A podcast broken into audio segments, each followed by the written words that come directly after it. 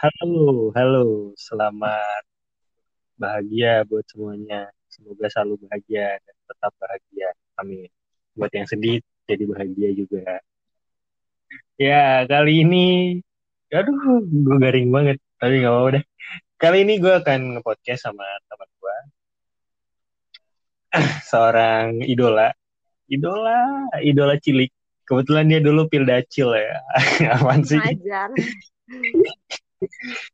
Uh, ya udah, langsung aja perkenalkan nama Anda, Saudari. Halo, nama gue Nida. Lu bisa manggil gue Nida aja. Nida. Halo Nida. Apa kabar Nida? Baik. Sehat ya? Alhamdulillah. Alhamdulillah ya. Sibuk apa nih selama pandemi? Sibukannya apa? Ngapain aja?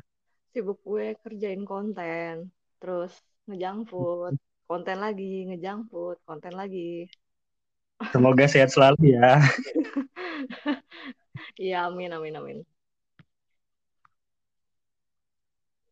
Ya, jadi eh, segitu perkenalan singkatnya. Jadi hari ini gue akan ngebahas tentang ah cinta-cintaan lagi. Cinta-cintaan, cinta-cinta. Enggak sih, sebelum cinta-cintaan ada dua bahasan yang akan gue bahas di sini. sih? Pertama, seru banget nih. yang pertama tuh menjadi apa? eh, bekerja di luar bidang mata kuliahnya, tapi itu passion, passionnya gitu. Yo, ah. Yang kedua nanti kita akan bahas masalah cinta-cintaan. Itu nanti kita akan bahas dulu masalah yang pertama. Keresahan yang pertama. Nah, lu sendiri nih, lu tuh latar belakang lu apa sih lu kuliah? Apa sih? latar lu belakang gue, eh, kuliah di? Latar belakang Pendidikan. pendidikan. Latar belakang Mm-mm. pendidikan gue, alhamdulillah, gue S1 kehutanan. Nah, terus gue sekarang kerjanya nggak di bidang kehutanan nih. Gue kerjanya di, bisa dibilang entertainment, tapi condongnya lebih ke mengedukasi ya.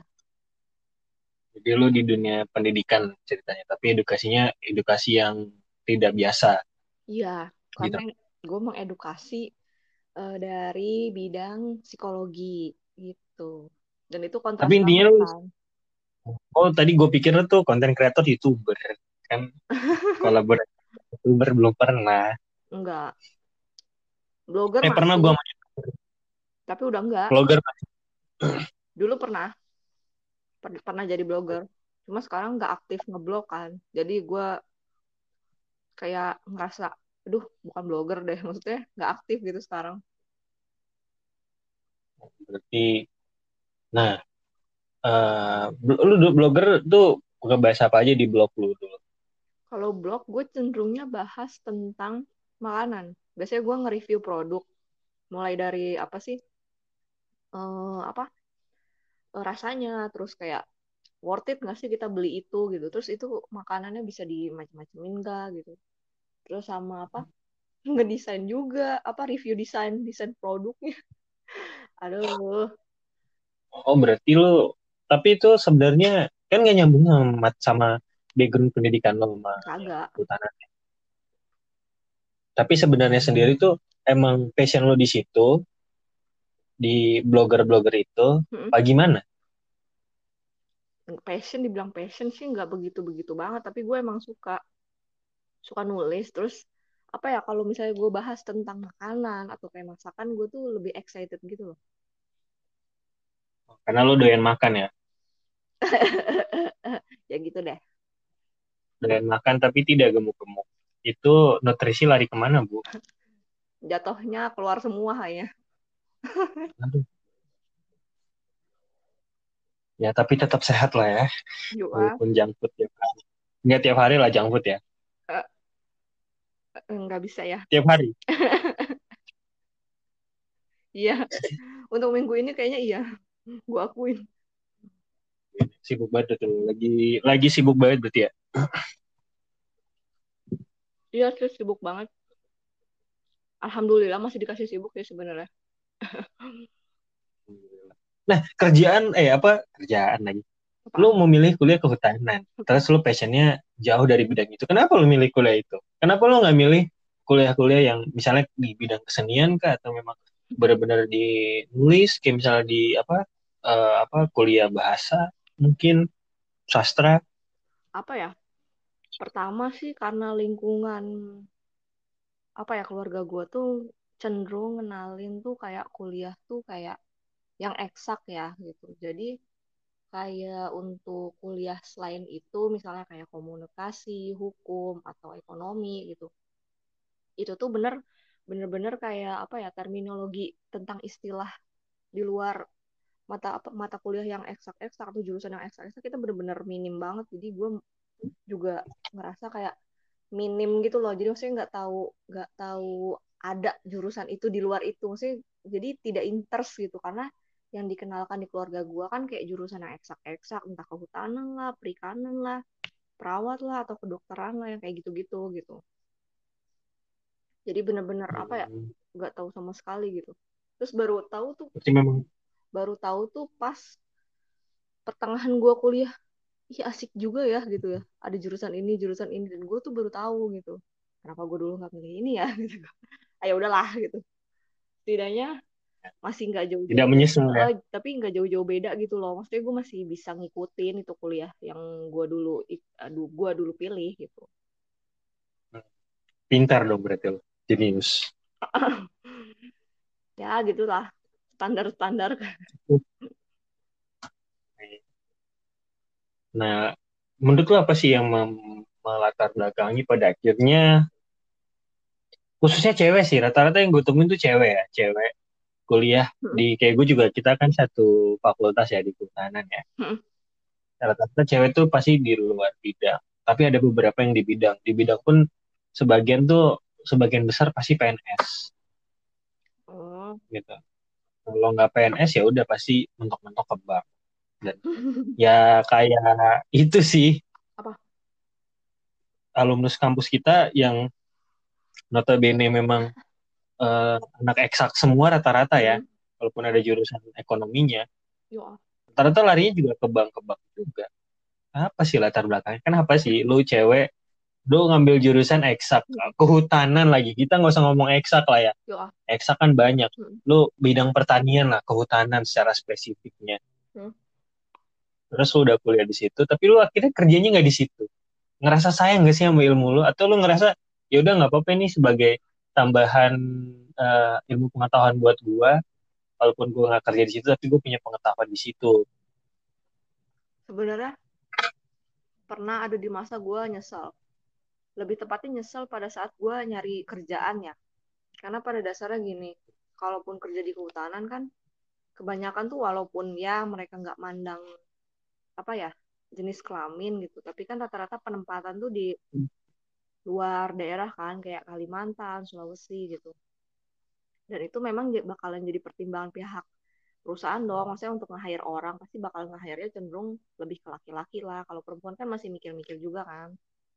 Nah kalaupun yang perempuan biasanya tuh pasti yang dipilihnya tuh yang tough yang udah berpengalaman gitu. Sedangkan gue bisa dibilang mahasiswa kehutanan yang ya apa ya apa ya pengalaman gue tuh untuk di lapang tuh dikit banget gitu. Maksudnya sekedar tahu tuh dari yang kuliah gitu untuk terjun kayak ke lapang entah ikut proyek-proyek atau apa ya segala macam yang berhubungan dengan dunia nyata di kehutanan tuh gue minim banget. Karena selama kuliah bisa dibilang gue uh, ikutan lomba tuh atau kegiatan yang berhubungan passion gue dan itu memang bisa dibilang bukan kehutanan ya.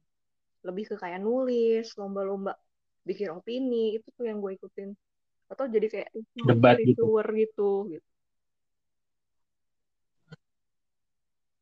tapi lu nggak menyesal sama sekali ya, ya. tapi setelah gue pikir-pikir gini ya jadi tuh pas gue pas gue apa ya pas gue udah lulus ataupun misalnya gue di luar di luar kampus gitu ya teman-teman yang misalnya apa satu komunitas sama gue atau misalnya kayak di kehidupan pribadi gitu ada beberapa apa ya ada beberapa uh, ilmu kehutanan yang benar-benar kepake gitu. Ya maksudnya yang standar-standar lah gitu.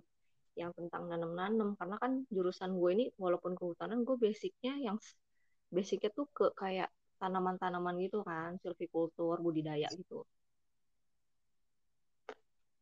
Jadi gue tidak merasa menyesal gitu. Karena banyak beberapa teman-teman yang nanya gitu tentang uh, apa ilmu-ilmu kehutanan khususnya yang gue pelajarin gitu. Jadi oke nggak apa-apa. Lagian juga apa ya uh, gue kan suka nulis nih.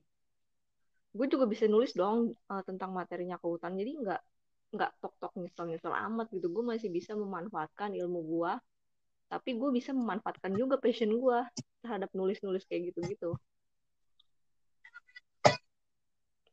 hmm, berarti sekarang lu jadi konten kreator untuk di perusahaan lo ya uh, ya betul perusahaan lah ya karena dan psikolog lagi ya itu malah jadi lebih jauh yang biasanya belajar tentang pohon, mm. anatomi, sifat-sifat pohon gitu-gitu kan. Mm. Sifat tumbuh, sifat ekstraktif. Eh lu belajar gak sih? Enggak, enggak. Terus lu belajar tentang manusia? Iya, sekarang gue belajar manusia. Mengalami proses apa namanya uh, transisi yang sulit gak sih buat lo? Yang, aduh, gue tuh atau gini oke okay, lo backgroundnya memang suka menulis hmm. tapi menulis kan sifatnya universal ya luas hmm. kan nah, terus nih sekarang lo skupnya kita kecilin hmm. lagi lo menulis membuat membuat konten hmm. ya kan tapi yang hubungannya dengan sifat manusia. Hmm. proses transisinya tuh berat apa apa gimana?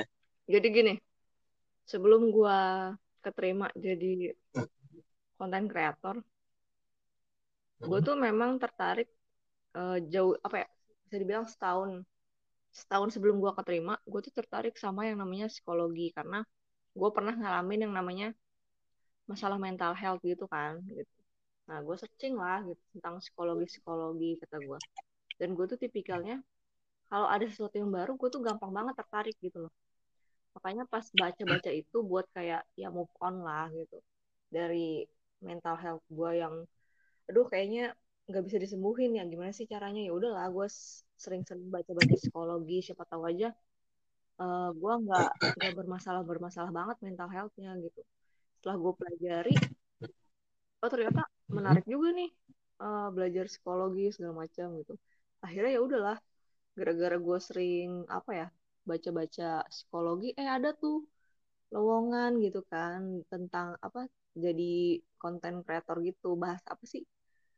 Bukan apa ya jadi kayak uh, ya sih kayak jadi konten kreator untuk uh, salah satu orang yang memang bekerja di bidang psikologi kan. Ya udah gue ngelamar aja. Kebetulan kan gue lagi tertarik tuh tentang psikologi. Terus uh, butuh hmm. apa ya butuh basic yang memang orang mengerti tentang sosial media entah bikin konten. Karena gue bisa gitu ada kemampuan di situ gitu. Ya udah gue ngelamar. Eh keterima deh gitu.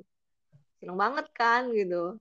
Jadi apa ya perubahan untuk bisa adaptasi menurut gue tidak terlalu kelihat apa tidak terlalu rumit-rumit banget gitu. Tapi yang rumit itu ketika ada beberapa istilah eh, apa ya kayak semacam kerjasama gitu.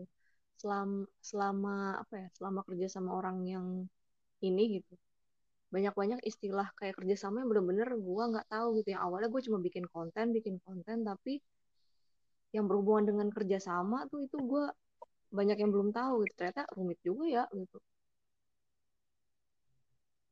jadi lebih karena lu yang susah itu ketika menemukan sesuatu yang ilmu baru lah ya. Transisinya lebih keras tapi basically sebenarnya sama kerjaan lu sekarang tuh nggak nggak begitu kesulitan karena lu udah punya passion sebelumnya ya. Ditambah lu menambah wawasan lu dengan membaca beberapa literatur literasi oh. gitu kan melakukan uh, studi literasi gitu lah ya.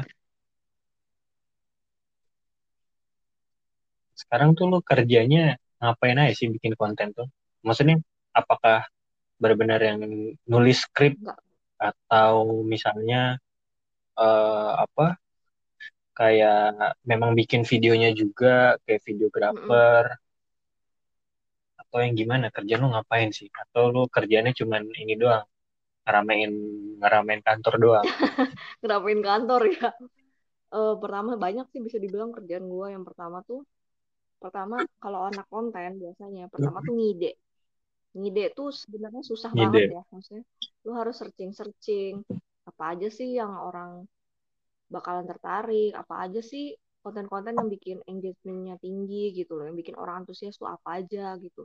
Terus kalau tipikalnya di sosial media ini tuh mereka sukanya apa sih? Kadang kan tiap-tiap sosial media kan beda-beda ya maksudnya uh, konten yang harus ditampilkan tuh bentukan bentukannya seperti apa terus isinya apa kan beda-beda. Nah gue tuh pertama ngide itu gitu. Dan yang ngide sebenarnya sih bukan cuma gue doang tapi sebenarnya ada tim.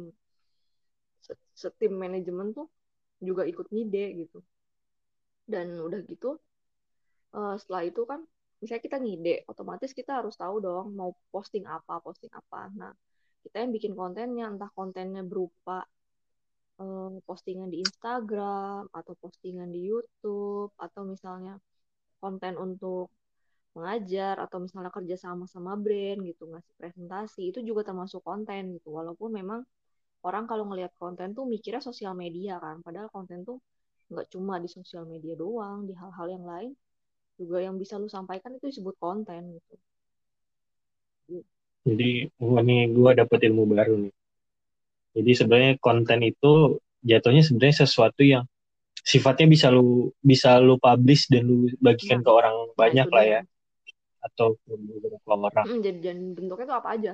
Bisa berupa gambar. Kayak podcast gini juga termasuk ini konten gitu kan. Ya kalau ini kan maksudnya kalau podcast nih memang benar-benar masuk dalam konten yang sifatnya umum lah ya. Karena konten kan mungkin orang taunya youtuber, hmm. ya kan podcaster, caster-caster podcast tuh kan jadi konten, blog, blogger, kan konten kan maksudnya yang benar-benar sifatnya uh, apa ya mungkin bener kayak lu kayak lebih ke arah media sosial. Nah, tapi sebenarnya lebih luas ruang lingkupnya tuh ya seperti yang lu jelasin iya. tadi kan?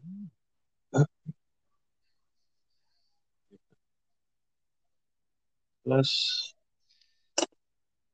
lu kerjanya banyak. Kemudian uh, apa namanya di luar bidang. Mm -mm. udah cerita masalah transisi lu lu udah ngomongin apa kegiatan lu secara garis besar ya. Terus ada nggak sih lu ngerasa di diri lu yang kayak aduh gue menyesal kenapa gue kuliah? Ngerasa gini ilmu yang udah gue dapet nih akhirnya tidak bisa tersalurkan gitu. Apalagi lu yang uh, kuliah di bidang yang harusnya bisa bisa memajukan suatu sektor hmm. lah. Kayak di sektor kehutanan kan gitu ya harapan. Terus lo nggak kerja di bidang situ pernah ngerasa merasa menyesali nggak dengan kerjaan lo sekarang? Atau lo menyesali dengan tadi lo udah cerita kan lo uh, sempat punya perasaan bersalah ketika kenapa gue baru tahu ada jurusan-jurusan yang sebenarnya sesuai dengan passion lo kan gitu. Nah itu gimana pernah menyesali hal itu? Sampai hari ini. Jadi gini ya. Atau pernah? Sebenarnya gue tuh punya karakter gini. Gue tuh gampang banget tertarik sama satu ilmu. Nggak satu ilmu sih sama apa aja. Gue tuh gampang banget tertarik. Jadi nyesel tuh nggak hmm. nyesel nyesel banget gitu loh. Karena tiap ilmu tuh pasti ada manfaatnya walaupun memang yang kita pakai beberapa gitu loh. Nggak nyesel nyesel gitu. Karena misalnya gue ada ilmu ini. Mungkin untuk sekarang gue belum bisa memanfaatkan gitu. Tapi untuk beberapa tahun yang ke depan gue ada rencana gitu loh. Yang berhubungan dengan uh, ilmu yang pernah gue pelajarin gitu. Walaupun memang pas sekarang gue nggak apa ya nggak memanfaatkan ilmu gue gitu. Malah memanfaatkan passion gue.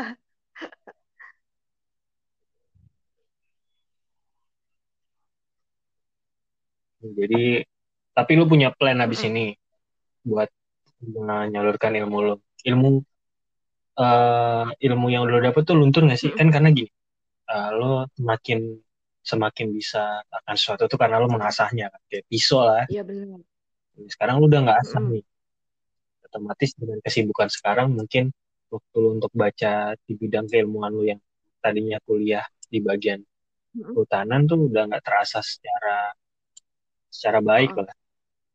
Ilmu-ilmu yang lo dapet tuh sekarang luntur gak sih? Atau eh gue masih ingat. Bisa dibilang luntur ya sih. Luntur ya gue akuin cuma uh, apa masih ada-ada lah yang nempel-nempel dikit gitu. Karena sebelum gue apa ya sebelum gue apa keterima di kerjaan yang sekarang kan gue sempet juga jadi ini ya penulis artikel gitu. Tapi beberapa konten. Nah untuk mengingat gitu materi yang pernah gue pelajari gue bikin konten uh, tentang itu nulis tentang di bidang kehutanan gitu. Tapi kalau sekarang udah ber... bikin kalau sekarang untuk kayak nulis materi kehutanan dikit banget. Jadi ya emang bakalan luntur gitu. Tapi inget-inget dikit mah ya yang standar-standar lah maksudnya apalah gitu.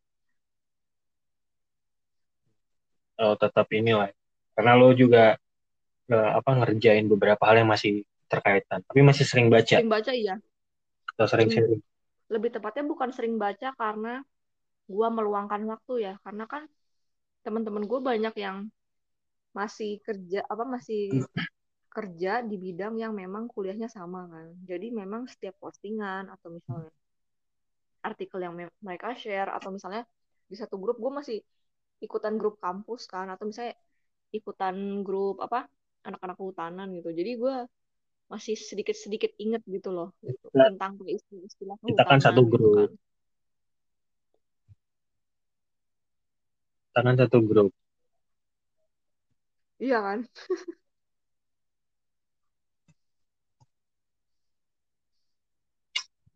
Nah ini ini ini jadi sebuah pertanyaan yang membuat gue sih rada terganggu di kepala gue gini coba kasih ilustrasi bu di luar negeri itu kan orang biasanya kalau lu jurusannya A lu akan pasti dipastikan kerja di bidang A dan perusahaan-perusahaan siap oh. nampung ya kan dan lu memang disiapkan untuk di bidang itu gitu dan kuliah tuh sifatnya memang apa yang lu ambil dan itu ya kerjaan yang akan lu dapat gitu. ini ini sepengetahuan gue ya sepengetahuan gue karena gue juga nggak pernah tinggal di luar negeri nggak tahu sekolah di luar negeri tapi beberapa pengalaman saudara gue yang ada kuliah di luar negeri itu mereka pasti kayak begitu. Rata nah sementara di Indonesia tuh enggak. Kuliah serasa kayak formalitas lu? Biar dapat gelar sarjananya. Terus abis kuliah kerjanya di bidang apa pun ya udah. Nggak masalah. Menurut lo apa sih yang menyebabin hal itu terjadi? Yang pertama. Yang kedua memang uh, apakah memang apa uh, buat orang Indonesia sendiri tuh yang terpenting adalah apa ya? Legalitasnya. Sebuah kertas yang menerangkan lo, lo adalah sarjana gitu. Sehingga sebenarnya nggak penting-penting amat lo mau jurusan kuliah apa atau pada ujung-ujungnya lo kerjanya di bidang oh. lain. Kecuali memang lo fokus misalnya sebagai dosen sebagai peneliti dan itu pun nggak hmm. banyak kan. Nggak banyak yang bisa di ini. Pertama gini. Diserap ke sana kalau menurut gua rata-rata orang Indonesia umum pasti mikirnya gitu kan karena legalitas. Ya maksudnya yang penting sarjana lah walaupun jurusan beda kerjanya sama. Tapi kalau kita lihat dari faktanya gini ya kalau di luar negeri kalau kita lihat lowongan mereka tuh cenderung luas walaupun misalnya jurusannya kehutanan tapi misalnya bagian konten creator untuk bagian apa uh, kehutanan gitu. Misalnya kayak salah satu apa LSM LSM yang berhubungan dengan alam atau lingkungan atau hutanan gitu. Mereka tuh pasti ada yang namanya kayak konten creatornya lah atau yang memang mereka jadi yang terjun ke lapang ya jurnalis uh, kehutanan lah kayak gitu-gitu kan banyak gitu loh.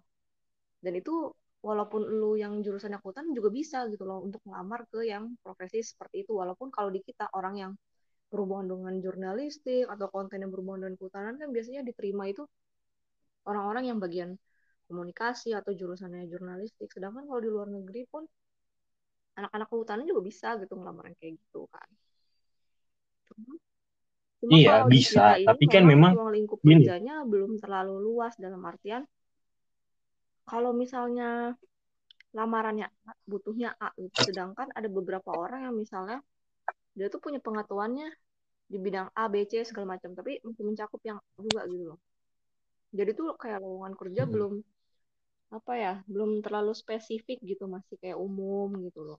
Dan untuk kayak materi pendidikan pun juga diajarinnya kan kebanyakan bukan terjun ke lapang kan gitu. Ten, ten, cenderungnya lebih ke kayak akademisi. Jadi memang menurut gue kayak mahasiswa pun dituntut kayak ya udah lu eh, belajar tentang akademiknya gitu. Tapi fakta di lapang kayak kerjaan bukti nyatanya tuh maksudnya nggak terlalu diajarkan gitu. Sedangkan kita tuh butuh yang kayak gitu. Jadi kita tahu gitu oh ternyata ada toh gitu di jurusan kehutanan tapi kita bisa ngelamar ke yang ini yang ini yang ini gitu. Menurut gue sih itu gitu. Dan emang kan uh, kalau lu perhatiin coba lowongan di kehutanan banyak nggak sih? Dibandingkan yang lain gitu. Enggak kan? Banyak uh, kebanyakan. Iya gue ah, sepakat gitu. itu dan itu belum terlalu spesifik gitu. Kadang misalnya nih lu jobnya gue nggak tahu ya misal gue gue kurang tahu nih kalau misalnya lowongan yang anak putara seringnya apa gitu. Biasanya kalau nggak jadi HSE kan gitu. Gue gue gue dapet sih gue anak lapang sempat juga uh, setahun di kadang Kalimantan. job desknya macam-macam sedangkan bidang lu misalnya harusnya uh, teknologi tapi lu bahas tentang silviculture segala macam JIS gitu loh itu kan gitu kalau mau spesifik bisa tuh ada lowongan yang uh. JIS ada yang bagian budidaya ada yang bagian teknologinya kayak apa gitu kan dan nggak gitu kan faktanya gitu karena kan perusahaan juga mikir gitu loh berarti ya yang penting berarti tapi sebenarnya nih kalau yang ini yang gue tangkap dari penjelasan lo bahwa sebenarnya itu uh, sistem pendidikan di di Indonesia lah di kampus-kampus ya tidak menyiapkan mahasiswanya untuk siap kerja di bidangnya, cuman belajar teorinya. Artinya kadang kadang tidak ngikutin perkembangan zamannya atau di lapangnya gimana gitu kan? Iya, gue setuju dengan itu. Begitu menurut gue. Nah, tapi apa ya? apa sih yang ngebedain? Toh gini, kayak dosen lu, dosen gua, lulusan top university dari luar negeri kan, belajar satu spesifik ilmu, gitu kan? Dan uh, apa namanya? Pasti dong mereka tuh orang-orang yang luar biasa dan punya jam terbang tinggi di luar negeri. Tapi kenapa mereka nggak coba menerapin ke kita sehingga kita bisa siap kerja untuk di satu bidang? Hmm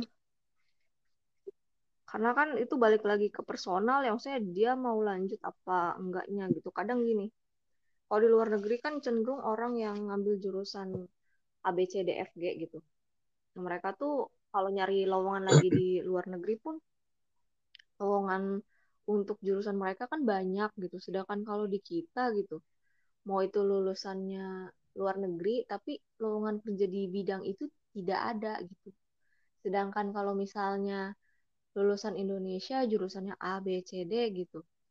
Dan itu banyak gitu. Sedangkan kita harus kayak uh, bisa macam-macam gitu. Sedangkan kalau apa ya, jadi kayak keilmuannya kurang update gitu loh.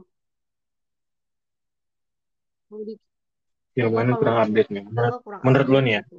Tapi kalau belajar di uh, di luar update gitu karena mereka kadang apa ya langsung terjun ke lapang gitu loh kalau di kita kebanyakan teori gitu loh. Dan kalau padahal ya, padahal kita tuh punya salah satu jenis hutan yang punya banyak keanekaragaman hayati ya padahal. Sering banget tuh kalau misalnya, wah di Indonesia kan uh, apa hutannya tuh banyak banget bisa kalian teliti segala macam. Kenapa kalian ngambil kuliah di luar negeri kalau nanti penelitiannya pun ngambil di hutan sendiri gitu loh. Saya kalau di hutan yang di negara-negara lain kan maksudnya karakteristiknya cuma satu ah, maksudnya nggak banyak gitu ya kalau di kita kan macam-macam gitu banyak gitu. itu tadi kan maksudnya e, dari akad apa dari bidang ilmunya mereka update gitu maksudnya teknologi untuk mempelajari hal yang baru lebih update gitu jadi mudah dibandingin ya, kita menurut gue sejauh ini sih ngelihatnya cuma kalau memang orang yang fokus di akademik ya gue nggak tahu nih maksudnya jadi omongan ini kan bisa jadi terpatahkan kalau yang mereka emang fokus ke akademis kan gitu. Maksudnya ya, jadi dosen lah ya. mungkin mereka pasti bakal bilang update kok ilmu kita gitu. Ya tapi kan karena gua emang uh, gak di bidang akademis gitu. Jadi gua kan nggak cukup tahu juga gitu tentang kemajuan apa uh, keilmuan kita gitu kayak gimana sekarang. Atau sebenarnya sini sebenarnya menurut gue ya bukan sistem pendidikan yang salah, tapi si orang yang dalamnya yang salah. Kayak kita sebagai mahasiswanya yang salah kadang. Karena gini, bisa jadi uh, kalau di gua kan berpikirnya bahwa bisa. Jadi kitanya aja yang tidak mau membaca, maunya disuapin terus. Kalau gue gini ya, Ul ya, uh, gue nggak setuju dengan pendapat itu. Karena faktanya gue sendiri untuk menemukan jurusan yang gue sekiranya suka gitu, itu pun gue baca gitu, saya nggak tok asal disuapin gitu, walaupun memang uh, ruang lingkup keluarga gue taunya tentang mata kuliah yang atau jurusan yang itu itu aja kan gitu. tapi gue sempat searching gitu dan memang apa maksud gue gini uh, update itu dalam artian gue ambil salah satu case gue ambil salah satu hmm. case bahwa semisal kadang tuh kita nggak tahu apa isu-isu terkini di kehutanan pun lu kalau misalnya dia nggak terblow up di media mainstream kayak televisi atau mungkin sekarang udah ada medsos mungkin lu juga tidak akan tahu kondisi terupdate karena lu tidak jarang ingin mencari tahu. Ya itu benar nggak sih? secara umum benar. Tapi gue nggak setuju gue nggak gitu. Gue tipikal suka nyari sesuatu hal yang baru. Iya itu kan lu nih. Maksudnya uh, menurut lu berapa banyak orang yang berpikirannya kayak lu? Apakah karena gini gue sepengalaman ya sepengalaman gue ngerasain bahwa uh, ketika gue misalnya hanya terpaku dengan slide kuliah penjelasan dosen dan segala macem gitu kan tanpa gue benahin untuk tahu update terkini, isu-isu kehutanan terkini, ilmu kehutanan terbarukan itu apa aja. Mungkin gue juga akan jadi orang yang tidak mengerti apa-apa, cuma tahu dasar kehutanan doang. Kok ketika di lapangan tuh ya gue tidak tahu menahu. Pun setelah gue ada mendalami atau bekerja di di dalam bidang kehutanan itu sendiri, gue menemukan banyak hal baru iya. juga kan. Yang artinya sebenarnya kitanya yang memang uh, kurang up, update sih kitanya maksudnya gue kayak menyalahin kitanya gitu oh. maksudnya selain faktor selain faktor gini oh. masalah kurikulum ya kurikulum yang dipaksakan kita harus tahu tentang basic-basic kehutanan gitu. tapi kita nggak pernah belajar untuk tahu uh, isu-isu terkini yang sehingga yang menyebabkan tuh kadang kita nggak nggak ngikutin zaman gitu. Kayak gue semisalnya waktu gue ke belajar di kehutanan gitu ya untungnya untungnya mungkin dosen-dosen gue tuh yang orang-orang ya. yang luar biasa kan cukup up to date. Kita tahu kan gara-gara dosen kita sering cerita-cerita kan gitu. Tapi kita nggak ngerasain terjun langsung gitu loh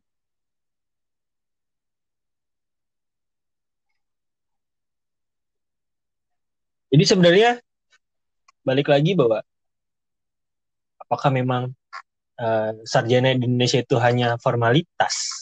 Ya, ya formalitas. Yang penting lu gelarnya sarjana. Kalau lu ngambil iya suara sih? masyarakat umum sepertinya iya deh gitu.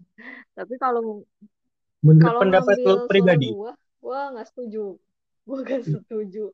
Walaupun memang kita apa ya kita nggak begitu interest dengan apa dengan jurusan yang kita pilih tapi pada dasarnya ada rasa tertarik kan kenapa kita milih jurusan itu walaupun kita nggak tertarik.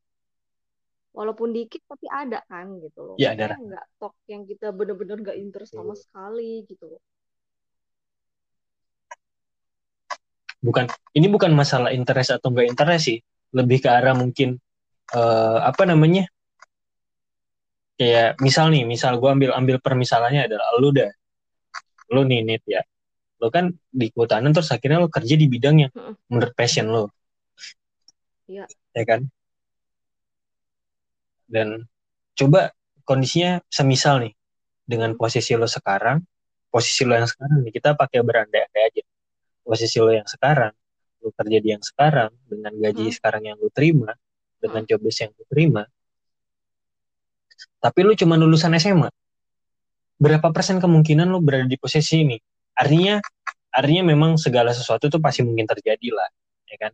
Tapi kalau kita runut secara logis aja nih, berapa persen kemungkinan lu akan bisa kerja di di bidang ini ketika lu bukan seorang sarjana dalam posisi yang sekarang dengan ya, gaji ya, yang sekarang? Mungkin lah, ya gak mungkin lah maksudnya. Pasti ada standar, ada standar. Berarti artinya? Ada standar ini dong, maksudnya ada standar apa aspek yang harus dia uh, kuasai gitu kan lu tahu sendiri maksudnya gini ya orang yang kuliah yang sekolah SMA, S1, S2, S3, kompetensi mereka saat lulus kan pasti beda-beda gitu kemampuan yang mereka miliki gitu. Saya standar apa sih kalau anak lulusan S1 gitu harus ngerti gitu. Kan di bidang A, B, C gitu. Tapi kan walaupun me memang uh, basically kerjanya beda, tapi kan konsep mereka dalam kompetensi misalnya bisa berdiskusi, berpikir analis, analit, analisis gitu kan. Itu kan diajarin juga di S1. Sedangkan kalaupun SMA, kita kan nggak dituntut untuk belajar seperti itu. Maksudnya nggak diajar nggak diajarin gimana harus menganalisis segala macam. Saya analisisnya yang standar-standar gitu. Sedangkan kalau misalnya di satu cara lu analisis terus kayak komunikasi sama orang apa apa sih berdelegasi sama orang gitu kan. Maksudnya caranya tuh beda gitu. Maksudnya akan beda gitu. Kompetensi lu ya kan gitu. Mungkin gini.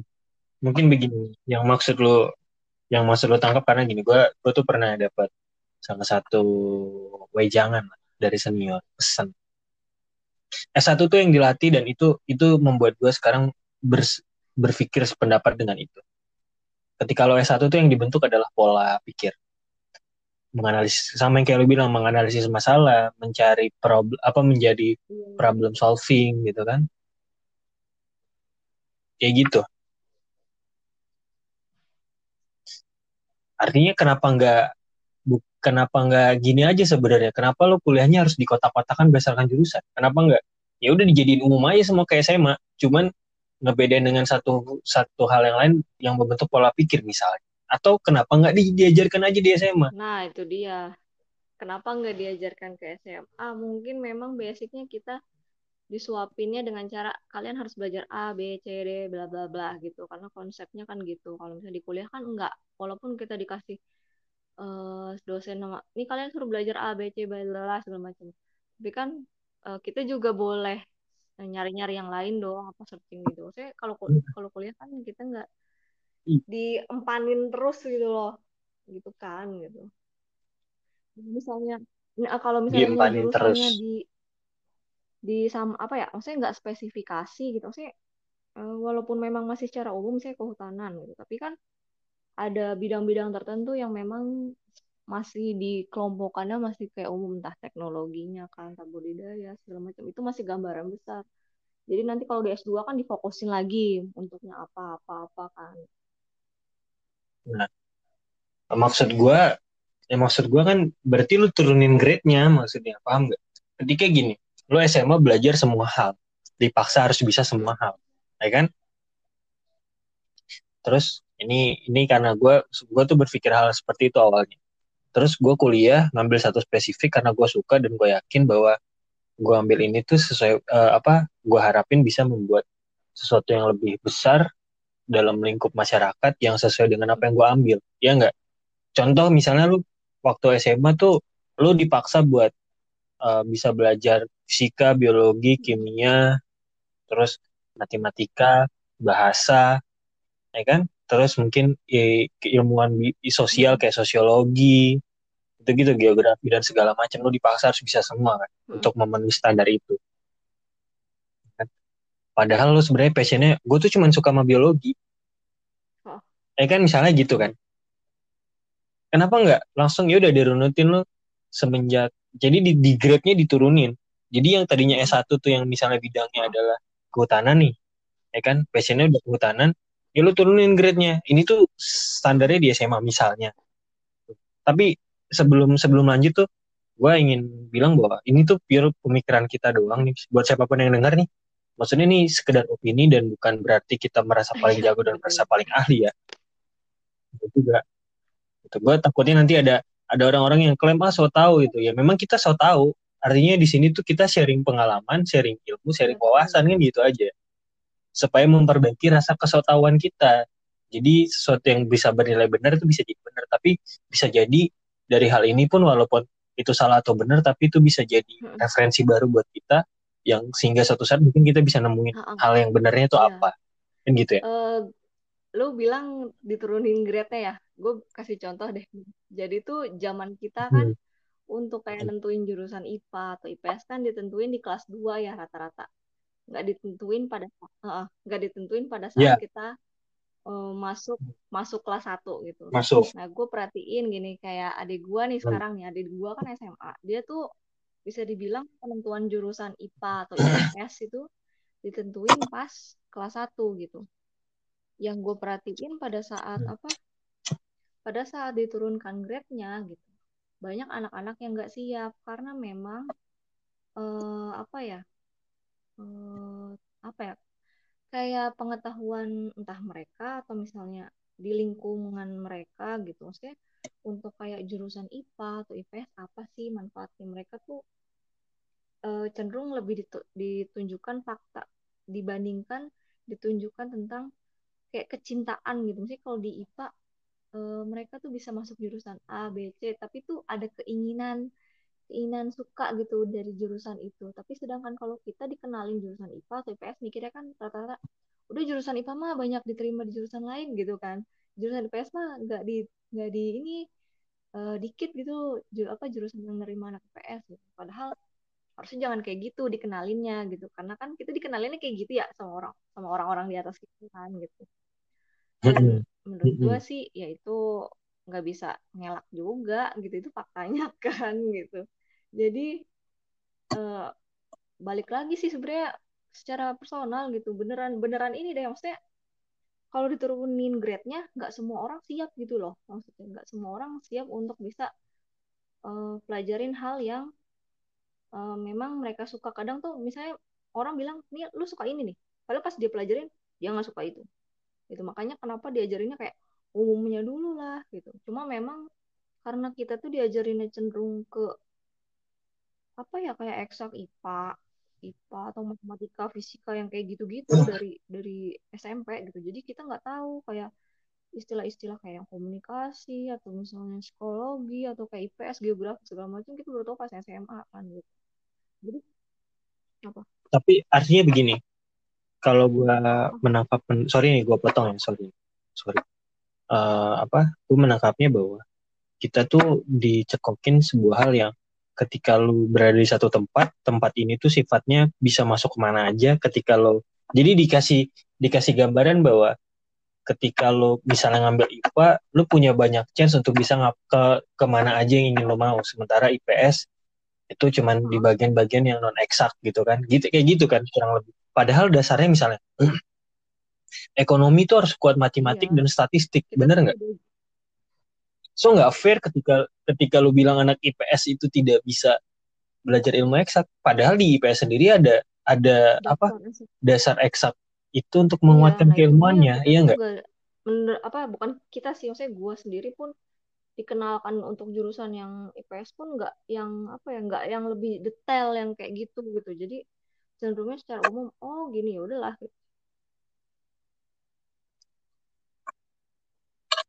berarti memang sebenarnya apa ya gue nggak nggak berani nyalahin siapa siapa sih cuman lebih arah tanggung jawab bersama sih. Artinya bahwa mungkin sebagai seorang seorang siswa ya kalau zaman sekarang kan udah lebih gampang akses segala sesuatu ya. Harusnya bisa lebih peka terhadap hal itu sehingga lo ketika lo uh, pengen ke satu tujuan lo tahu lo harus ke mana arah. Gitu. Pun gue ngeliat gue udah ngeliat pergeseran bahwa zaman sekarang ya untuk Jakarta sendiri karena gue beberapa kali beberapa kesempatan tuh kerja dengan orang-orang langsung dengan orang-orang hmm. pemilik perusahaannya gitu kan. Mereka mempersiapkan anaknya tuh sedari dini bahkan sedari SD persiapannya seperti apa? Ketika misalnya gini lu pasti pernah ditanya kan cita-citanya jadi apa? Ya. kan gitu kan. Nah ketika lo cita-cita jadi apa biasanya tuh mulai kelihatan tuh sejak SMP lah. SD itu masih belum bisa menentukan keputusan karena masih lebih sering bermain. SMP tuh kayak transisi sebelum lo menuju ke ke remaja di SMA kan. Jadi transisi remaja itu kan sampai lo SMA kelas 1, kelas 2, kelas 3 tuh lo udah mulai berpikir secara dewasa dan rasional ya. Kan gitu. Bahkan di beberapa negara umur 17 tahun tuh bahkan sudah harus berpisah dari keluarganya kan gitu. Nah, gue ngelihat bahwa orang tua orang tua zaman sekarang di Jakarta khususnya mempersiapkan anak-anaknya luar biasa sedari dini sedini mungkin tuh menyiapkan ketika dia tahu passionnya apa atau minimal orang tuanya ngarahkan kamu harus jadi bisa iya. gitu kan? Dipersiapkan dari sekarang. Apa yang harus diperkuat apa yang harus dibenahi Mm-mm. harus apa yang harus diperbaiki kan gitu. Disupport segala sesuatu sedari dulu nah zaman kita dulu kan nggak kayak gitu. Iya, yang sekolah mengalir aja ya. Bahkan bahkan gini lu waktu S pertama kali kuliah mungkin lu nggak berpikir selalu kuliah akan kerja di mana. Pada saat itu mungkin pikiran lu adalah ya udah gue kuliah menikmati masa kuliahnya kan gitu. Masalah nanti gue kerja dari apa, jadi apa itu? Masalah urusan lain lah kan gitu. Nah, gue pernah dapat pertanyaan nih dari sepupu gue it's a real story. Kisah nyata ini. Baru masuk semester 1 gue nih kebetulan dari Medan terus dia sekarang kerja di Jakarta. Eh kerja sorry dia kuliah di Jakarta Tuh nggak lo pertanyaan apa anak semester 1 bang? Aku tuh bingung bang. Kuliahku ini nanti aku kerjanya mau ngapain? Jadi bener-bener anak jam sekarang udah mikirnya udah kayak gitu. Bahkan skripsi aja lu belum lewatin gimana susahnya kan gitu. Lu udah mikir gua, gua mau ngapain? gitu. Sementara kayak gua mungkin lu gak berpikir ya kita ya kita menikmati dulu kuliahnya. Heeh. Iya gak sih? Yang nanti ujung-ujungnya begitu lu mulai sadar tuh mungkin Iya, semester, sekitar semester limaan. Nah atau mungkin udah mulai kerjain skripsi semester 8, 7 baru lu berpikir mau kerja jadi apa kan gitu. Lanjut lanjut. sehingga banyak banyak hal yang miss gitu. Nah, ya, jadi gimana? Karena apa? Karena, karena kita kalau lihat sampai beban hidup ya, bisa dibilang untuk angkatan di bawah kita tuh makin berat aja gitu loh. Maksudnya zaman kita kan kita nggak terlalu ngerasain hal-hal yang gitu-gitu bang. Apa tantangannya nggak terlalu berat gitu. Sedangkan kalau kita ngelihat tantangan di bawah kita bisa dibilang cenderung berat gitu loh. Ya nggak sih gitu. Makanya kenapa tantangan berat ini yang, yang kayak maksud kayak gimana mau kerja di mana gitu. Karena kan mereka juga bisa ngomong kayak gini kan ngelihat gitu anak-anak yang di atas kita, di atasnya dia gitu kan. Banyak orang yang belum dapat kerjaan gitu. Kadang jurusannya sama tapi gajinya nggak nggak ini apa nggak sesuai gitu atau misalnya kerjanya jauh gitu apa ya yang sekiranya eh, lebih enak gitu kalau kerja gitu. Maksudnya semua hal-hal yang dia inginkan kayak misalnya gajinya pas nggak jauh ya maksudnya re- resikonya rendah. Tapi kan nggak gitu kan gitu. Ya itu itu itu jadi gue ingat salah satu nih kata teman gue gini. Dia kerja dulu di perusahaan pestisida pest control gitu dia bilang kerja cerita. Hmm. gue tuh gaji 8 juta. Dia nih cerita ke gue gaji gue 8 juta kerja gue bebas terus gue sadari satu hal bahwa anak milenial tuh pengen kayaknya kayak gitu sih. Sama yang kayak lu pikirin bahwa gue kerjanya enak gajinya gede jam kerja bebas no seragam seragaman gitu kan. Dan gue menikmatinya. Mungkin untuk di luar di luar negeri mungkin bisa ya tapi kalau Belum. Indonesia kayaknya apa ya? belum belum ya. gue ngerasain itu bisa bisa kayak gitu pas zaman gue kuliah. Gue nyoba freelance kan. Maksudnya yang baju kerjanya bebas dari mana aja bisa gitu. Itu pas gue pas gue ngerjain skripsi. Tapi memang itu dikit banget gitu. Saya banyak orang yang ngertinya tuh kalau kerja lu pakai seragam lu pergi ke kantor gitu pulang berangkat jam 7 pulang jam 5 gitu atau jam 6 kan. Karena kita di lingkungan kita nggak kayak gitu nggak kayak Tapi- gitu. Dan sekarang kan kayak zaman sekarang nih maksudnya yang ya pandemi kayak gini kan orang jadi paham loh oh ternyata ada kerja bisa kok dari rumah gitu. Dan mereka yang melihat kita yang melihat gua pernah kerja yang ya maksudnya di mana aja gitu ternyata di kafe bisa ngerjain kerjaan gitu. Ternyata ya anggapan itu jadi oh iya bisa ya ternyata. Walaupun memang masih orang yang nggak terbiasa gitu. ya, kalau hal kerjaan-kerjaan gitu yang sifatnya sebenarnya lebih ke arah tidak apa kerjaan-kerjaan yang enggak yang enggak ini sih enggak apa sih bukan yang ya kayak e-commerce lah. E-commerce tuh rata-rata bisa Tokped Google Google yang IT banget tuh biasanya bisa kayak gitu Hmm. terus ditambah lagi gue nggak tahu ya beberapa kalau di kampus kita kan itu ya kita nggak bisa benar-benar bisa. bisa kerja Gua bisa. freelance kan? Saat iya. maksudnya pasti- saat kuliah ya? Saat kuliah ya? Semester Nggak, berapa? dari semester satu. semester satu. Pas skripsian pas skripsian. Dari? Nah itu kan tingkat akhir ya yang ketika jam jam kuliah lu sudah lebih renggang dari sekarang sepupu gue tuh misalnya dia sepupu gue tuh dia kerja di eh kerja dia kuliah di Aussie dia cerita bahwa mereka bahkan disiapin buat bisa bekerja bisa apa namanya freelance.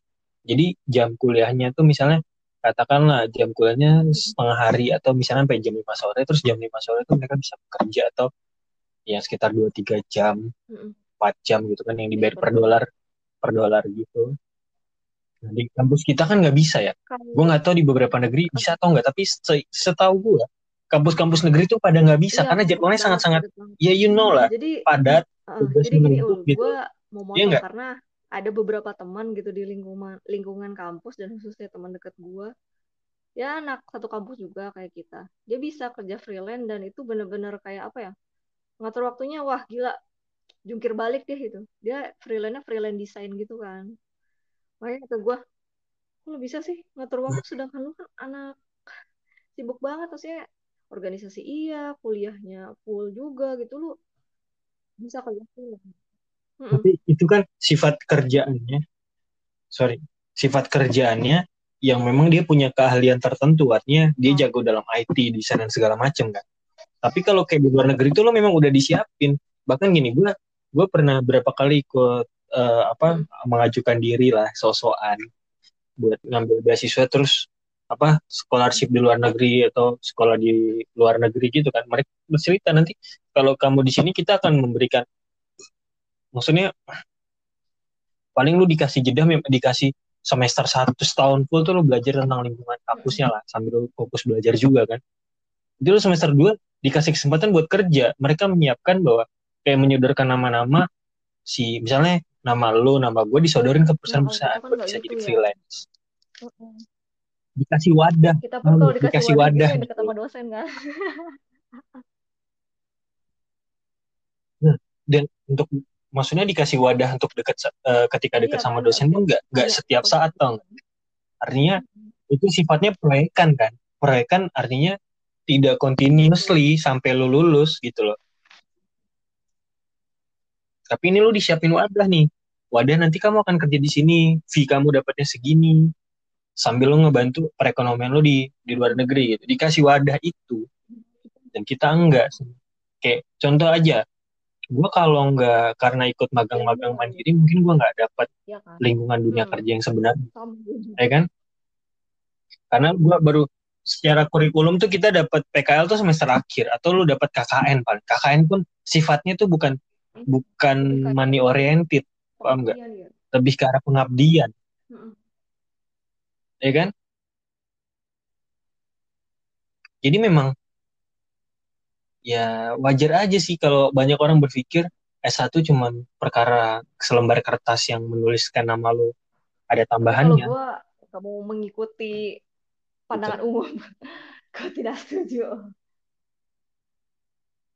maksudnya gini terlepas lu tidak setuju atau setuju dengan pandangan umum itu tapi ini Iya. fakta iya nggak sih berarti kan lu sebenarnya menyepakati kan walaupun di diri lu gue tuh tidak se- sepaham dengan itu tapi memang fakta lingkungan kalau yang lu ada tuh yang ya, kayak lu gitu kalau lu terlalu mendeskripsikan itu kayak udahlah yang kayak gitu mah udah wajarin aja lah gitu. Maksudnya kalau ada orang yang pemikiran gitu gimana? Gimana kita mau berubah gitu? Maksudnya ya adalah orang yang tipikal kayak gini. Udah lu udah kayak menyadari aja gitu. Jangan kayak gitu lah. Maksudnya ada kayak gitu ya kita bantu. Kalau misalnya itu hal yang bisa dibilang nggak terlalu membangun gitu, ya cobalah gitu kasih insight-insight ke orang yang pemikiran seperti itu. Kali aja nggak makanya gue ke ad- adik gue kuliah nih sekarang gue kasih gambaran ke dia bro ya lu kalau punya kesempatan freelance freelance misalnya ya nggak usah lah lu gini lu khawatir bahwa nanti kuliah lu terganggu karena lu bekerja kan gitu. Heeh. akademis lu terganggu. Ambillah space waktu lu liburan semester liburan semester anak kuliah panjang-panjang coy. Paling Iya. bentar aja sebulan ya kan?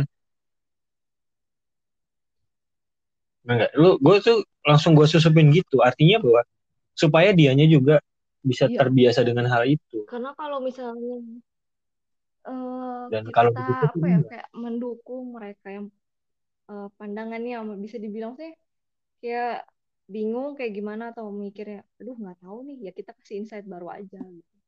siapa tahu aja bisa berubah kan ke arah yang lebih baik gitu. Kalau misalnya itu memang nggak membangun yang mereka pikirkan gitu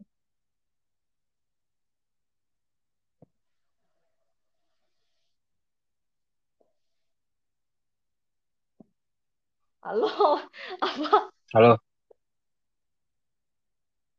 udah gue gue tungguin udah lu kira hilang suaranya. Oh udah. Oh, oh ya sorry sorry. Gue kira hilang tiba-tiba tuh diem. Waduh, karena biasa kan iya kalau gue online gini nungguin lo sinyal cuy. gue udah selesai nih mau ngomong apa lagi nih kita Kita saling ya menunggu-nunggu. udah Ah, anjir aku terharu. Ah, Oke, berarti udah sejam nih bahasan bisa pertama. lebih Bisa lebih lama. Cuman ya nggak masalah sih lama juga. Tapi menurut gue nih udah salah satu eh, apa ya? Kalau lebih panjang bisa malah jadinya timbul-timbul teori-teori baru. Apalagi kita nih bukan apa-apa ya. Gue Eh lu apa-apa sih? Gue nih yang bukan apa-apa. Kan lu sumber gue. So jadi kalau lu em, pertanyaan apa jawaban singkat aja sih. Jawaban singkat dari lu untuk zaman sekarang nih yang akan kuliah nih anak-anak yang masih SMP yang ngerasa anak kuliahan Mohon itu enak ulang ya. gitu kan. Lu iya oke. Enak kuliah itu enak. Kuliah itu melatih Lebih diri lu dewasa jadi ya. dewasa. Lebih dewasa dalam berpikir ya bukan beradegan ya. Aduh. Tolong ya. Beradegan tuh lain lagi ceritanya. Oke, jawaban singkat nih. Buat Buat yang akan kuliah. Ah, Yuk, buat nih, buat buat yang akan kuliah, pilihlah gini. Menurut lo pilihlah kuliah yang sesuai passion lo, sehingga lo bekerja sesuai passion lo, atau lo kuliah aja, nanti lo kerja sesuai passion lo. Pilih. kalau gua Kasih jawaban singkat tentang hal itu. menyarankan kalian kalau milih jurusan itu yang pertama sesuai passion gitu. Kalau misalnya kalian belum tahu gitu, misalnya kalian punya passion di A, tapi kalian nggak tahu mau milih jurusannya apa. Bisa dibilang gini ya, kalian harus banyak diskusi sama banyak orang, terus sering cari tahu gitu.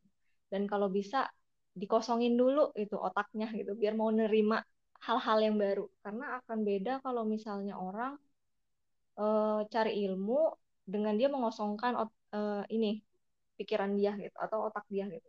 Akan beda penerimaannya gitu itu dia gitu. Biar nanti ke depannya apa ya kalau kalian kerja atau misalnya mau ngelakuin sesuatu benar-benar tuh kayak apa ya hasilnya tuh bikin kalian puas gitu. Nggak ada rasa tertekan gitu. Karena kan kalian juga tahu ya banyak orang yang misalnya milih jurusan tapi memang eh, untuk rencana ke depan mereka nggak memikirkan. Karena ya ada yang memang pada dasar yang belum memikirkan ada yang memang apa kurang banyak cari tahu gitu atau eh, Belum tahu. emang nggak mau cari tahu atau memangnya di lingkungannya juga banyak yang kayak begitu gitu makanya menurut gua banyak-banyak cari tahu gitu sama apa ya lebih terbuka pikirannya gitu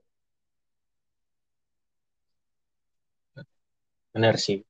Dan ya gue nambahin sedikit. Eh, apa ya, gue dulu kuliah di keluarga gue adalah, gue anak pertama, jadi karena gue kuliah anak pertama, basically memang orang tua gue tidak kuliah, kalau gue kuliah itu nggak nggak mikir apa-apa gitu kan, tidak tahu menahu lah intinya. Nah sekarang ketika lu nanti akan kuliah, ya kita di gue bilang bahwa iya betul. informasi udah gampang cari tahu lah, jangan sampai lu buta kan informasi. Internet tuh murah, kalau nggak kalau nggak bisa dapat internet melalui paket, ya nongkrong di kafe beli kopi goceng, cari yang ada wifi, betul betul cari yang ada wifi. iya nggak salah karena gue juga Kan bener nggak salah juga kan? Ya. Jadi untuk bahasan pertama, buat bahasan kali bahasan ini, pertama kayak banyak aja bahasan bahasan pertama lagi. Buat bahasan kali ini, oh iya kan ada satu lagi. Ini gue potong nih bagian belakang-belakangnya nih yang tidak perlu ada disebutkan. Ya buat kali ini gue akan menyimpulkan.